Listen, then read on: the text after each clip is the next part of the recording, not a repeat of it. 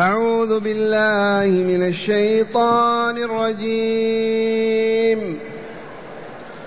أولم يروا أن الله الذي خلق السماوات والأرض ولم يعي بخلقهن بقادر بقادر على أن يحيي الموتى.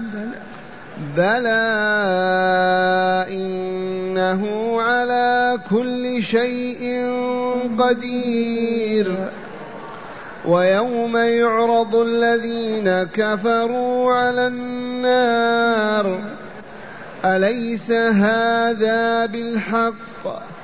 قالوا بلى وربنا قال فذوقوا العذاب بما كنتم تكفرون.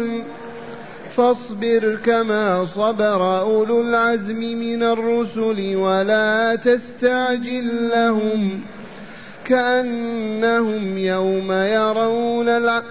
كأنهم يوم يرون ما يوعدون لم يلبثوا إلا ساعة من نهار. بلاغ. فهل يهلك إلا القوم الفاسقون؟ أحسنت. معاشر المستمعين والمستمعات من المؤمنين والمؤمنات. قول ربنا جل ذكره أولم يروا أن الله الذي خلق السماوات والأرض ولم يعي بخلقهن بقادر على أن يحيي الموتى؟ بلى إنه على كل شيء قدير. من هؤلاء الذين يوبخهم الله ويعتب عليهم ويلوم ويقول أولم يروا هؤلاء مشركو قريش المشركون المكذبون بالبعث والدار الآخرة؟ ويدخل في هذا والله لكل ملحد وكل علماني وكل منكر للبعث والجزاء وكل مشرك بالله في عبادته. أولم يروا لم ما ينظرون إلى السماء فقط ويفكرون من أوجد هذا العالم. هذه السماء وفوقها سماء سبع سماوات من أوجدهم؟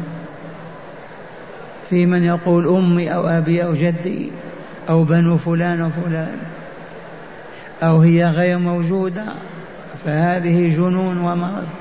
أمامنا قائمة بكواكبها وشموس وأقمار نقول ليست موجودة. لما ما ينظر نظرة علم ومعرفة وبصيرة. أولم يرى أولم يروا أن الله الذي خلق السماوات والأرض والأرض أيضا أمامهم بجبالها بتلالها بنهور بأبحارها بأنهارها بإنسها بجنها بحيواناتها. من أوجد هذه الأرض؟ الله. إذا الذي أوجد السماوات والأرض يعجز على أن يوجد مخلوقات البشر بعدما يميتهم يحييهم مرة ثانية. كيف يعقل هذا الكلام؟ الذي خلق السماوات والأرض وما بينهما وما فيهما ولم يعي أبد ولم يتعب ولم ينصب يعجز على أن يعيد البشر من جديد أحياء وهو قادر على أن يقول كونوا فيكون. ويل للمكذبين بالبعث والدار الآخرة. ويل للمكذبين بالبعث والدار الآخرة. فهم والله شر الخلق والعياذ بالله. المكذب بيوم القيامة لا يرجى منه خير أبدا ولا يؤمل فيه بخير ولا يوثق فيه أبدا لأنه شر الخلق شر البرية. هذا الذي يكذب بالدار الآخرة وبكل ما فيها ويتجاهل سر هذه الحياة لما أوجد الله هذه الحياة أوجدها للعمل فيها وأين الجزاء؟ فالدار الأخرى التي أعدها للجزاء على هذا العمل في هذه الدنيا. هكذا يوجه الله تعالى المشركين في مكة. يؤنب ويعنف ويذكر لعلهم. أولم يروا أن الله الذي خلق السماوات والأرض في والأرض ولم يعي بخلقهن. ما أصابه عياء ولا تعب ولا نصب ولم يعي بخلقهن بقادر على أن يحيي الموتى. والله إنه لقادر. والله إنه لقادر على أن يحيي الموتى. بلى بلى بلى بلى. إنه والله لقادر. وفوق ذلك والله إنه على كل شيء قدير. ما قضية إحياء الموتى فقط. ما هي قضية إحياء الموتى فقط؟ والله إنه على كل شيء قدير مقتدر قادر على أن يفعل ما يشاء ولا يعجزه شيء. وآيات ذلك وبراهينه وأدلته قائمة. فقط انظر إليك أنت من خلقك؟ من وهبك سمعك بصرك؟ كيف تعقل؟ كيف تنطق؟ سبحان الله كيف تمشي؟ كيف تجي؟ من أين تأكل وتشرب؟ من أوجد طعامك وشرابك؟ اسأل. فتجد قولك لا إله إلا الله. هكذا يقول تعالى لهم أولم يروا أن الله الذي خلق السماوات والأرض ولم يعي بخلقهن بقادر على أن يحيي الموتى. يقول تعالى بلى أي إنه على كل شيء قدير. اذا فآمنا بالبعث الآخر. والله ليبعثن الله. أحيا كما نحن الآن وأعظم مما نحن الآن وذلك ليسألنا يستنطقنا ليحاسبنا ثم يجزينا إما بالنعيم المقيم وإما بالعذاب الأليم. ذي حكمة الخلق والوجود. وما خلقنا السماوات والأرض وما بينهما لاعبين. ما خلقناهما إلا بالحق ولكن أكثرهم لا يعلمون. ثم قال تعالى ويوم يعرض الذين كفروا على النار. اذكر يا رسولنا لهم. يوم يعرض الذين كفروا بالله ولقائه بالله وتوحيده بالله وكتابه بالله ورسوله. هؤلاء الكافرون يوم يعرض الذين كفروا على النار. يساقون كما تساق البهائم. مئات الآلاف ملايين إلى جهنم ويعرضون عليها. اذكر يوم يعرض الذين كفروا على النار ماذا يقال لهم؟ أليس هذا بالحق الذي كنتم تكذبون به وتكفرون به؟ انظروا أليست هذه النار؟ هذا عالم الشقاء هذه جهنم؟ هل أنتم أحياء الآن موجودون وإلا لا؟ هذا الذي كذبتم به وأنكرتموه وقلتم أنا لنا أن نحيا بعد موتنا. أإذا كنا ترابا وعظاما أئنا لمبعوثون أو آباء الأولون. قالوا مئات الأقوال ذكرها الله في القرآن. منكرين للبعث والجزاء. وما زال الملاحدة والعلمانيون إلى الآن ينكرون الدار الآخرة. ولا يؤمنون بأن هناك حياة تجيء من أجل الجزاء على الحياة الدنيا. من استقر هذا في نفسه وعلم والله ما يقوى على معصية الله. ما يستطيع أن يجرم ما يقدر على أن يفسق ما يقدر على أن يظلم أبدا. لكن هم من أجل أن يستمروا على الفسق والفجور والظلم والشر والفساد وترك عبادة الله ينكرون البعث. لا بعث ولا حياة أخرى إنما هي هذه فقط. كلام السفلاء والهابطين. ويوم يعرض الذين كفروا على النار أليس هذا بالحق؟ قالوا بلى وربنا. حلفوا بالله الآن. كانوا يحلفون بالله العزى. والآن قالوا وربنا يتملقون الله. ما ينفعهم ذلك أبدا. بلى أي نعم. هكذا عدنا وعوض على النار بلى وربنا قال لهم مقولوهم سائلوهم قال فذوقوا العذاب بما كنتم تكفرون. هكذا يقول لهم المقول لهم فذوقوا العذاب بما كنتم تكفرون. أي بكفركم ما هو الكفر معشر المستمعين والمستمعات؟ الكفر صنوف وأصناف وألوان.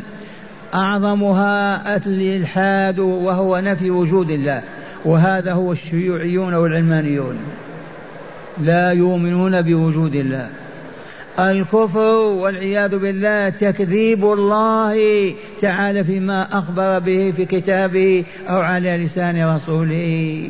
تكذيب رسول الله وأنه رسول الله. تكذيب الله في كتابه بأن القرآن ليس بكلام الله. التكذيب بالبعث والجزاء هؤلاء هم الكافرون المكذبون. هكذا يقول تعالى ويوم يعرض الذين كفروا على النار يقال لهم أليس هذا بالحق؟ قالوا لا. قالوا بلى وربنا هذا هو الحق الذي كنا ننفيه ونكذب به بلى ربنا قال فذوقوا العذاب بما كنتم تكفرون. ذوقوا عذاب جهنم التي يلقون فيها بسبب كفرهم. فنبرأ إلى الله من الكفر ونعوذ بالله من الكافرين. قولوا آمنا بالله آمنا بالله آمنا بالله. ما نسأل اللطيف في هذه كان عليه الصلاة والسلام جالسا على كرسيه هناك يعلم الكتاب والحكمة.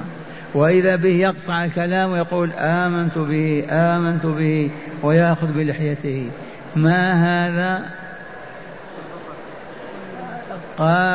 بلغه أن رجلا من اليهود أو النصارى كان يركب على بقرة. والبقر ما يركب عليه عند العرب ولا عند العجم. البقر الحرث والزرع. والحليب وما إلى ذلك. فإذا بالبقرة ترفع ترفع رأسها هكذا وتقول للراكب عليها ما لهذا خلقت؟ ما لهذا خلقت؟ فحينئذ الرسول أخذ بلحيته وقال آمنت به آمنت به. البقرة تنطق؟ إي والله نطقت. أخبره الله بذلك فقال آمنت به آمنت به. كما آمن وآمن به أبو بكر وعمر وكان في المجلس وكان أبو بكر غائبا. وذلك ثقة الرسول صلى الله عليه وسلم في أبي بكر وعمر. قال وآمن به أبو بكر وعمر. إذا والشاهد عندنا فجزاء الكافرين ما هو؟ جهنم الخلود فيها أبدا. لا يموتون ولا يحيون والعياذ بالله. الكفر تكذيب الله تكذيب رسوله. إنكار البعث والجزاء التكذيب بشرع الله هذه هي أنواع الكفر والعياذ بالله. ثم قال تعالى لرسوله صلى الله عليه وسلم فاصبر كما صبر أولو العزم من الرسل. يا محمد يا رسولنا صلى الله عليه وسلم اصبر اثبت لا تنزعج. لا تترك دعوتك لا تتخلى عنها. مهما كذبوا مهما كفروا مهما قالوا لا تبالي بهذا. اصبر اصبر كما صبر أولو العزم من الرسل. اثبت ثبات أولو العزم من الرسل وأولو العزم من الرسل أكثر المفسرين على أنهم خمسة ذكروا في آية من سورة الأحزاب. ومنك الضمير لمن؟ لمحمد صلى الله عليه وسلم هو آخرهم حياة وأولهم فضلا وشرفا. ومنك ومن نوح وإبراهيم وموسى وعيسى. أولو العزم خمسة. وبعضهم يقول أكثر من خمسة وأكثر من عشرة لأن الرسول كلهم أهل عزم إلا من كان كيونس مثلا ابن متى. على كل حال عليك يا رسولنا أن تتحمل هذه المسؤولية وتصبر عليها وتأتسي بمن صبر قبلك فتصبر كما صبروا حتى ينصرك الله وينصر دينه على يديك. فاصبر كما صبر أولو العزم. والعزم هو ماذا؟ الثبات العزيمة اليقين الصبر. ولا تستعجل لهم. أي لا تطلب العذاب لأهل مكة حالا ولا تستعجل لهم. لا تطلب العذاب لهم ينزل بهم الآن. الله ما يريد ذلك. قد يهديهم ويؤمنوا ويسعدوا ويدخلوا الجنة. أو يموتوا على كفرهم ويلقون جزاءهم يوم القيامة في جهنم والعياذ بالله. فاصبر كما صبر أولو العزم من الرسل ولا تستعجل لهم كأنهم يوم يرون ما يوعدون من عذاب الله لم يلبثوا إلا ساعة من النهار. والله العظيم. لما يقفون على النار بعد الحياة الثانية في الحياة الثانية ما يفهمون أنهم إلى ساعة فقط من النار الحياة هذه على طولها آلاف السنين القبور آلاف السنين. ما يتصورون إلا أنهم وجدوا الآن لمشاهدة العذاب وجهنم معهم وما مضى نسه وكانوا في العذاب أيضا. سبحان الله العظيم. وهذا نضرب له مثل إذا جاء أحدنا أو عطش ينسى العطش كأنه ما عطش إلى لم أبدا. جاع ينسى أبدا الشبع كأنه ما أكل. مريض كذلك فهم لمشاهدة العذاب الأليم يرون أنهم ما ماتوا إلا منذ ساعة من النهار ما قال حتى من الليل ساعة من النهار. إذا فاصبر كما صبر أولو العزم من الرسل ولا تستعجل لهم أي بطلب العذاب العاجل.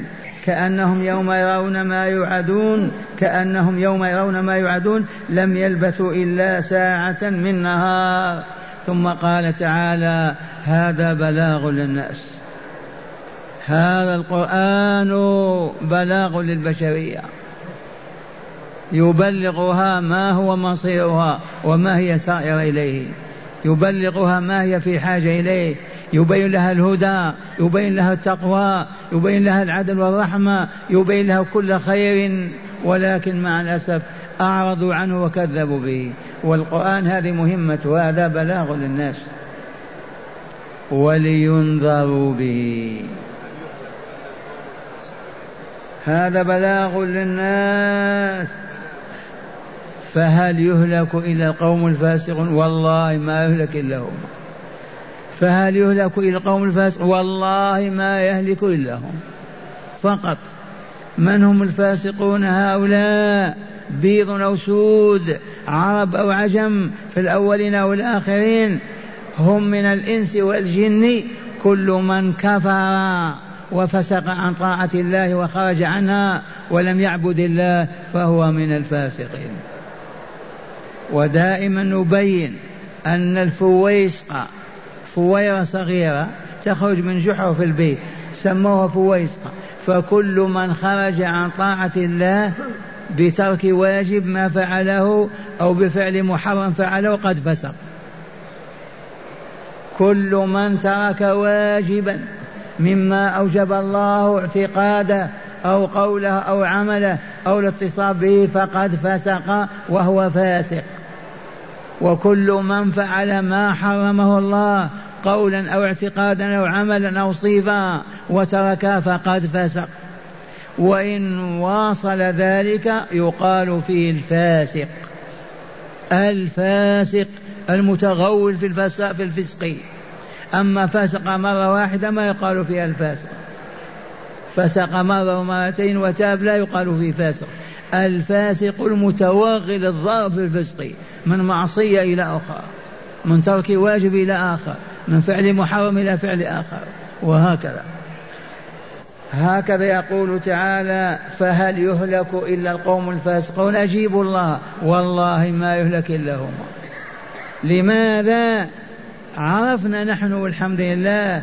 لأنهم لما فسقوا عن طاعة الله خبثت نفوسهم تعفنت أرواحهم أنتنت العياذ بالله. ما أصبحوا أهلا لأن يدخلوا الجنة أبدا بسبب فسقهم. فلا يهلك إلا الفاسقون لأن أرواحهم خبيثة منتنة كأرواح الشياطين والكافرين. بسبب ماذا تعفنت ونتنت؟ بسبب تركهم الواجبات التي تزكي النفس وفعل المحرمات التي تخبث النفس. كلمة حق تزكي النفس كلمة باطل تخبثها. عرفنا هذا وإلا لا؟ إذا فهل يهلك القوم الفاسقون؟ لا والله ما يهلك إلا القوم الفاسقون.